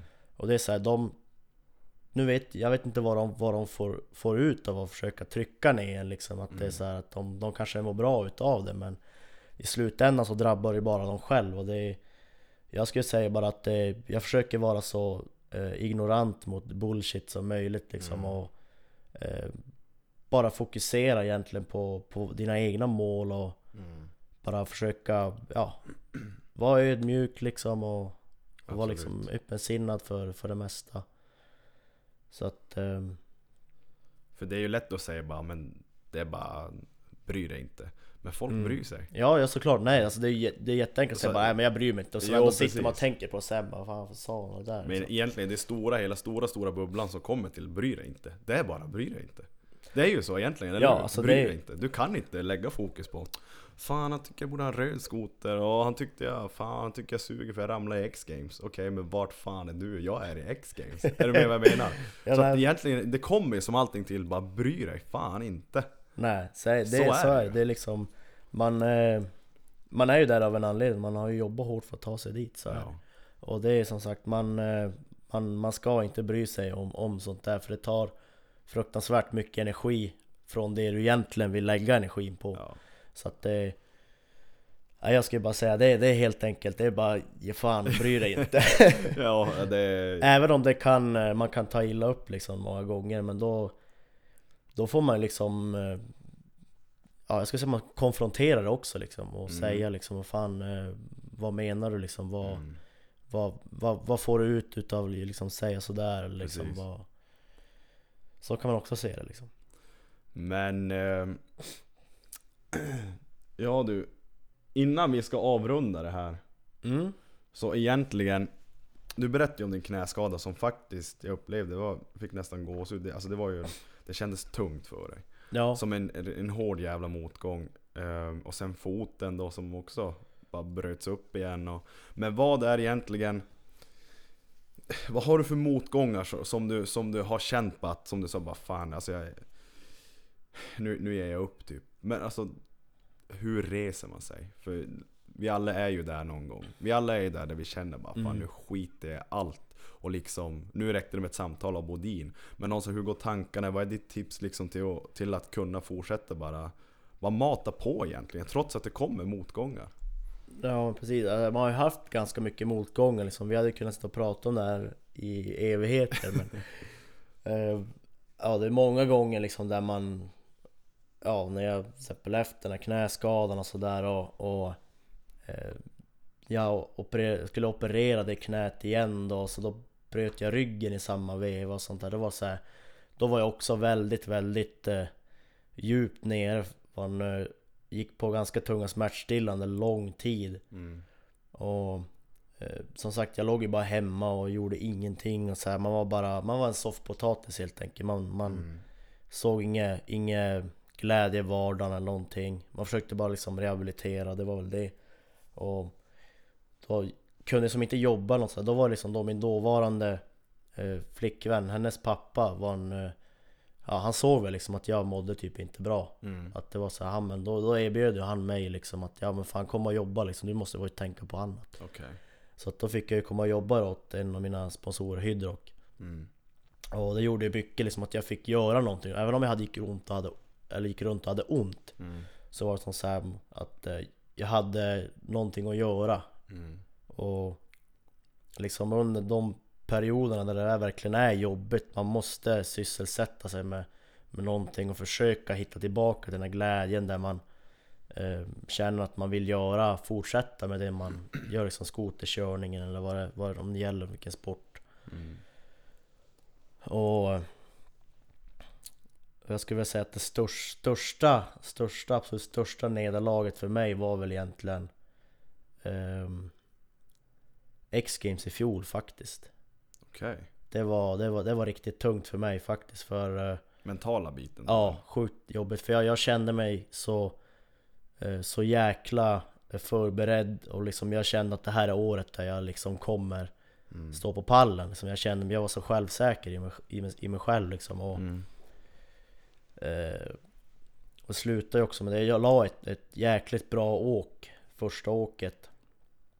Ehm, men då tror jag, jag tror att, att sista hoppet, jag var lite för långsam så att sista hoppet räknas inte. Så jag fick, jag fick eh, fruktansvärt dåliga poäng för ett sånt stort åk liksom. Och det var, så då vart jag riktigt så frustrerad, irriterad. Och jag tänkte liksom bara så här, vad fan ska jag behöva göra för att eh, liksom ta mig på pallen liksom? För jag fick, jag tror efter alla hade åkt i line-upen, då var jag nere typ på fem, femte plats eller nåt sånt där som jag slutade på då, det i, i år. Mm.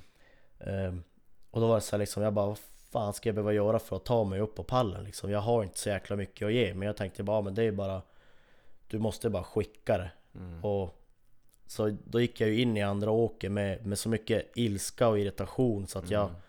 var ju inte alls den här lugna Normala Rasmus som jag brukar vara när jag kör liksom Mm. Så att det var så här, då körde jag ju ofantligt stort men jag kände att jag hade lite bekymmer med en av ramperna, att den kastade mig snett Och då var det att jag, jag skulle slänga mig ut på ett trick Och jag eh, tappar handen upp och Mm. ner på det här tricket Vilket gör att jag måste ju lämna skoten upp och ner och jag vet ju att skoten kommer jagandes i, i, i ryggen liksom och då När jag landar så eh, ja, tumlar jag runt och skoten slår ju ner antalet gånger är ungefär typ en decimeter, två decimeter max från att träffa mig Jag tror jag har sett det rakt där. över Jo det är ju för fan precis Ja. snudda typ skallen. Eh, rakt över huvudet.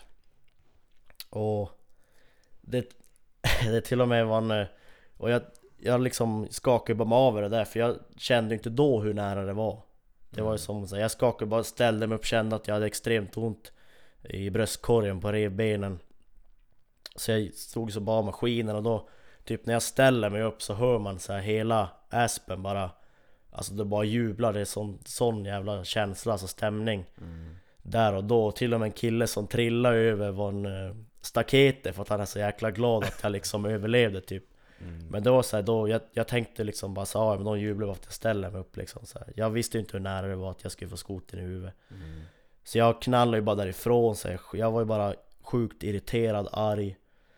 Så jag ville bara bort därifrån och typ till och med ehm, Diana Dahlgren skulle komma fram och intervjua mig men jag bara nej, nej jag, måste, jag ska härifrån liksom. Jag, jag sket liksom i tv-tiden. Jag, jag bara, jag måste bara bort liksom. Ja, ja.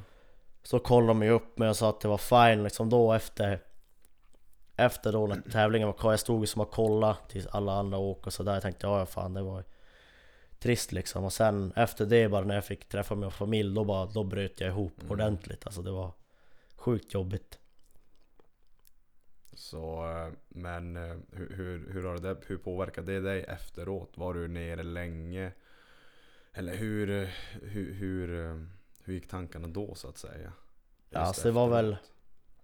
Just Eller- ti- tiden, om man tänker tiden efteråt var väl eh, Sjukt jobbigt eftersom det var som eh, Jag kände liksom att vad fan, ja, nu kraschar jag igen liksom så här, fan ska jag, hur ska jag kunna eh, Ta mig upp från det här och liksom att känna att jag ska kunna, för jag, jag vill inte Jag vill inte se en snöskoter så jag var ju så jävla less, jag var over it, verkligen så här. Mm.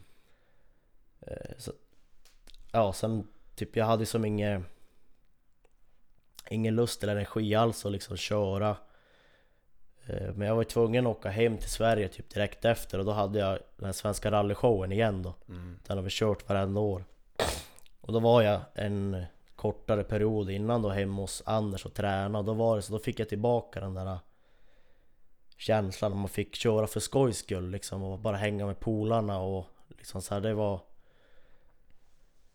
guld, guld värt faktiskt att ha Att man får Mm. slippa tänka den här tävlingsbiten att, eh, För det, det är sjukt mycket press när man är Just när du är in the moment där Mm. liksom Det är fruktansvärt mycket press Speciellt på en själv att man Det är det jag kan tänka mig. Alltså just du, för du, du är ju ditt eget varumärke. Jo, jo så är det. Sen, sen när man själv vet att man Man, man är där på toppen Man är så jävla nära Att det, det är så nära att man verkligen Liksom får ställa sig på prispallen men, men Ja, och så blir det man, man Det är som att man trillar på, på målsnöre liksom. Det är sjukt, sjukt tungt faktiskt.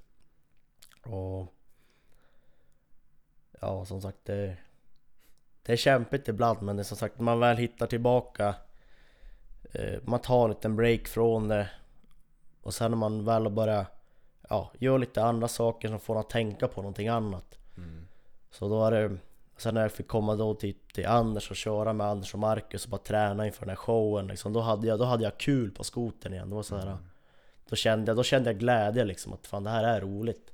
Så jag tror att egentligen kan man som sammanfatta eh, Det Rasmus får gå igenom, dels jävligt Det är viktigt att folk får höra att du som är framgångsrik Alltså det, Alltså vägen till toppen är fan inte rak Den, alltså. den, är, den är aldrig spikrak, Nej, definitivt och- inte spikrak Och liksom att även Rasmus som jävla kör X-games ska ta den där pallen, och det ska du fan göra också. Ja, det ja. hoppas jag att du gör. det, och det är li- målet Så att, och liksom även han kan säga att ja, men fan, jag vill inte se en snöskoter. Ja. mm. Och, liksom, och jag tror att den där tiden som du gick igenom då efter här som du berättade om senast, alltså det, det, det det kommer till när, när man har de här dipparna för man har ju, Alla har vi haft dem, jag har haft dem Och det, det gäller att infinna sig, alltså det är okej att känna att du inte Mm. vill se en snöskoter Och inte bara ta det som att fan nu ska jag inte se en snöskoter men nu, nu är det It's over Utan bara Okej, jag känner så här. Är du med? Alltså infinna sig Mm. i känslan att faktiskt Det är okej att må dåligt Det är en del av processen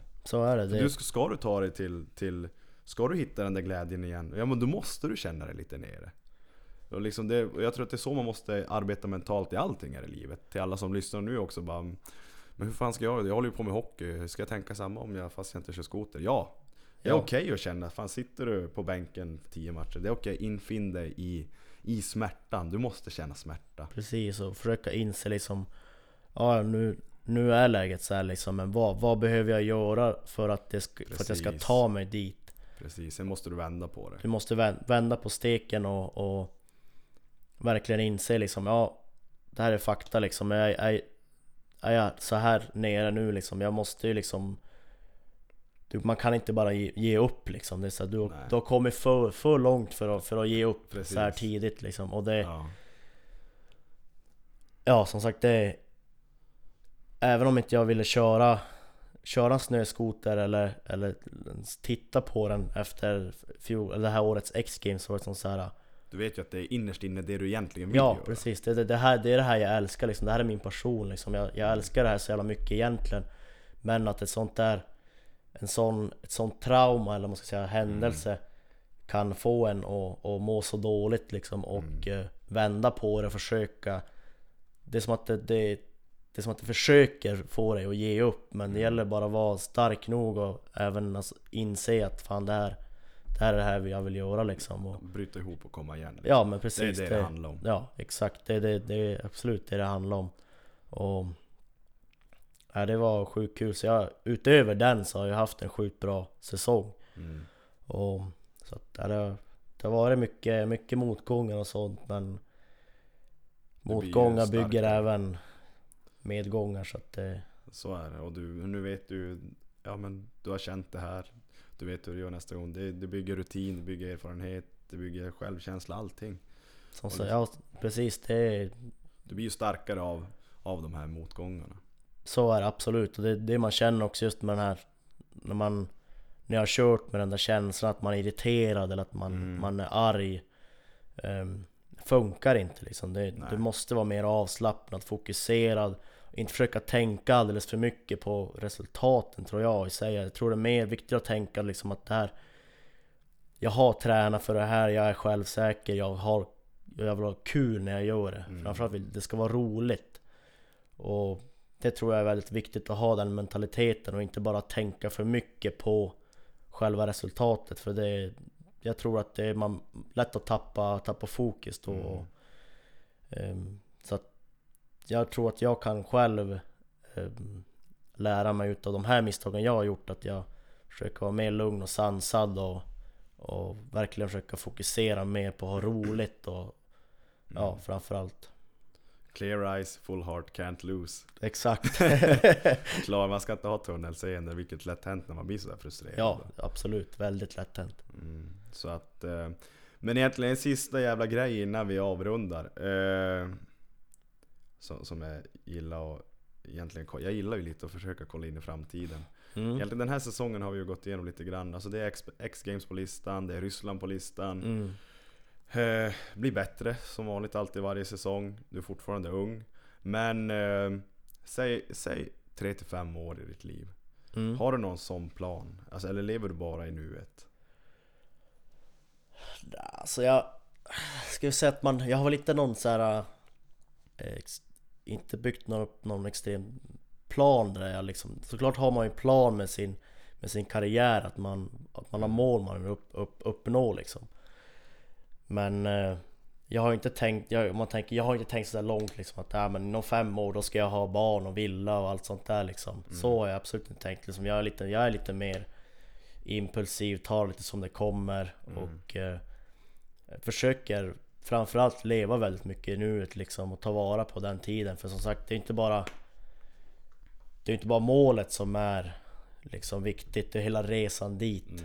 Alltså allt, får inte glömma Det är lätt att tappa bort sig själv när man väl är inne in the moment och köra de här showerna och att man får resa mycket och liksom för, för att det är man lever ett väldigt annorlunda liv. Det är inte många som får chansen att göra de här sakerna som, som jag gör liksom när jag reser mycket och kör shower inför tusentals pers. Liksom, och ja Väldigt få förunnat att det, det liksom, det många har inte den chansen och då jag tycker jag att det gäller att ta vara på det och eh, liksom se att det, det kommer en dag då det här inte kommer existera något mer utan du måste verkligen njuta av stunden och, och inse vart, vart du har tagit dig och sen får man ta det därifrån vad man, vad man vill göra i framtiden. Men som klart, jag tror alltid jag kommer vara ganska involverad i skoterbranschen. Även om jag kanske slutar med freestylen längre fram om några år Så kommer jag nog fortfarande säkert jobba inom, inom den här branschen med någonting. Så det får, det, det får vi se i framtiden. Men, men om vi ska, om vi, om vi löser upp frågan lite grann då så här. Men du drömmer inte om så här ekonomiskt oberoende, snyggt att ha en, eh, en beachvilla ute utomlands och... Har, har du inga sådana liksom... Ja alltså det är väl klart man kan ju alltid det, drömma. det kanske är drömmar istället för planer? Ja det är klart man kan ju alltid drömma om att ha så alltså, ekonomiskt oberoende. Är väl eh, Det är väl klart det, det hade ju varit väldigt trevligt. Men jag tror att just skoterbranschen det är nog Det är nog lite för dyrt för att det ska Okej. kunna vara lite så. Men man vet aldrig. Alltså det Som sagt man eh, Men du vet, det är ju dagens samhälle, sociala medier, influencer. Och du är redan stor där. Ja. Jag menar folk gör Nej man ska aldrig säga aldrig liksom. Det, det är absolut inte omöjligt men eh, Kanske inte just nu under din pågående karriär när du själv kör Att du ska bli en skoterinfluencer. Nej, nej det är väl inte riktigt min, min grundtanke med det liksom. Men det är såklart, det, det blir ju mycket mer åt det hållet. Så att det är såklart, det, det går ju att tjäna mer pengar. Det känns som att det, hela branschen har fått en En uppsving liksom med, med, med hjälp av sociala medier också liksom att det eh, Och att eh, Så att ja, jag tror att det, förmodligen så Kommer det öka mer och mer så att det, finns ju pengar att hämta absolut så att Men det, du klarar dig bra idag? Ja, alltså jag ska absolut inte klaga Du har ett på... bra liv. Ja, jag, eh, jag, jag, är, jag är nöjd. Alltså det finns väl alltid saker man skulle kunna vara bättre, sämre sådär men man, man får ta det som det är liksom. Man, man är där vart man är, man, man får jobba med det man har. Mm. Och eh, så är det. Det, det, det är bara det är 100, 110% jobb, då, då går det. Så nu har du ju alltid, du, du har ju inget vanligt jobb eller Nej, inte för just nu. Så att eh, Egentligen bara önskar dig lycka till i framtiden, nu säsongen som kommer Vi tränar ju på samma gym Äntligen får, så vi sparras ju varje dag Ja men det är så, kul, det är så, kul. Så det är kul som fan och jag är jävligt tacksam att du tog dig tid och satte dig ner Jag tror att det här kan inspirera så jävla många folk där ute och, och liksom Stort att du vågar öppna dig och, För jag gillar ju verkligen att höra om motgångar Det är ju det, det är ju Ja. lite Människan är ju så, vi är ju den vi är på grund av våra motgångar och vi är starka, vissa är svaga och, Men att det är okej att känna att man Det är okej att känna motgång, det är okej att känna sig ledsen Ja. och, Man, man måste känna, känna motgångar ibland, så är det liksom. Det, det, det, det går inte rakt upp alla gånger, Nej, så är det. Och det är det, viktigt att, att folk får faktiskt veta det, att det, Ja. vägen är inte Det är som sagt, spikrak. det är det också på sociala medier, det är lätt att få det att se ut som att det är Mm. guld och gröna skogar hela tiden men Folk ser, folk ser inte baksidan med det heller så att det, Mm. det, det kan vara extremt mycket skador eller att man liksom vad som helst det, det kan, ja Det är liksom, man, oftast visar man ju bara det liksom, det är highlights man visar oftast utåt så att Så det, är det ju. Så att, äh, det är kul att man fick, eh, fick vara med och få chansen och prata lite Få chansen. Jag har alltid haft chansen. Nej, men det är kul Rasmus. Och jävligt intressant resa också. Så det blir kul att, fullfölja. Vi kanske får sitta ner efter säsongen. Ja men det kanske vi kanske får ta en vända till och se, så se hur det har gått och ja, Jag hoppas verkligen att man kan, kan inspirera någon där ute med Nu var det lite Lite från min karriär liksom och sen, ja, jag hoppas att, att eh, Vi är ju bara människor. exakt. Så att... Eh, Det vore kul att få inspirera. Ta med jävla medaljen när du kommer. Du får inte komma och sitta där om du måste hamna på pallen. Ja precis, jag måste ta, ta, ta guldet. Så, Ja, men kul hörni. Eh, vi hörs. Hej. ha det bra. than the sun.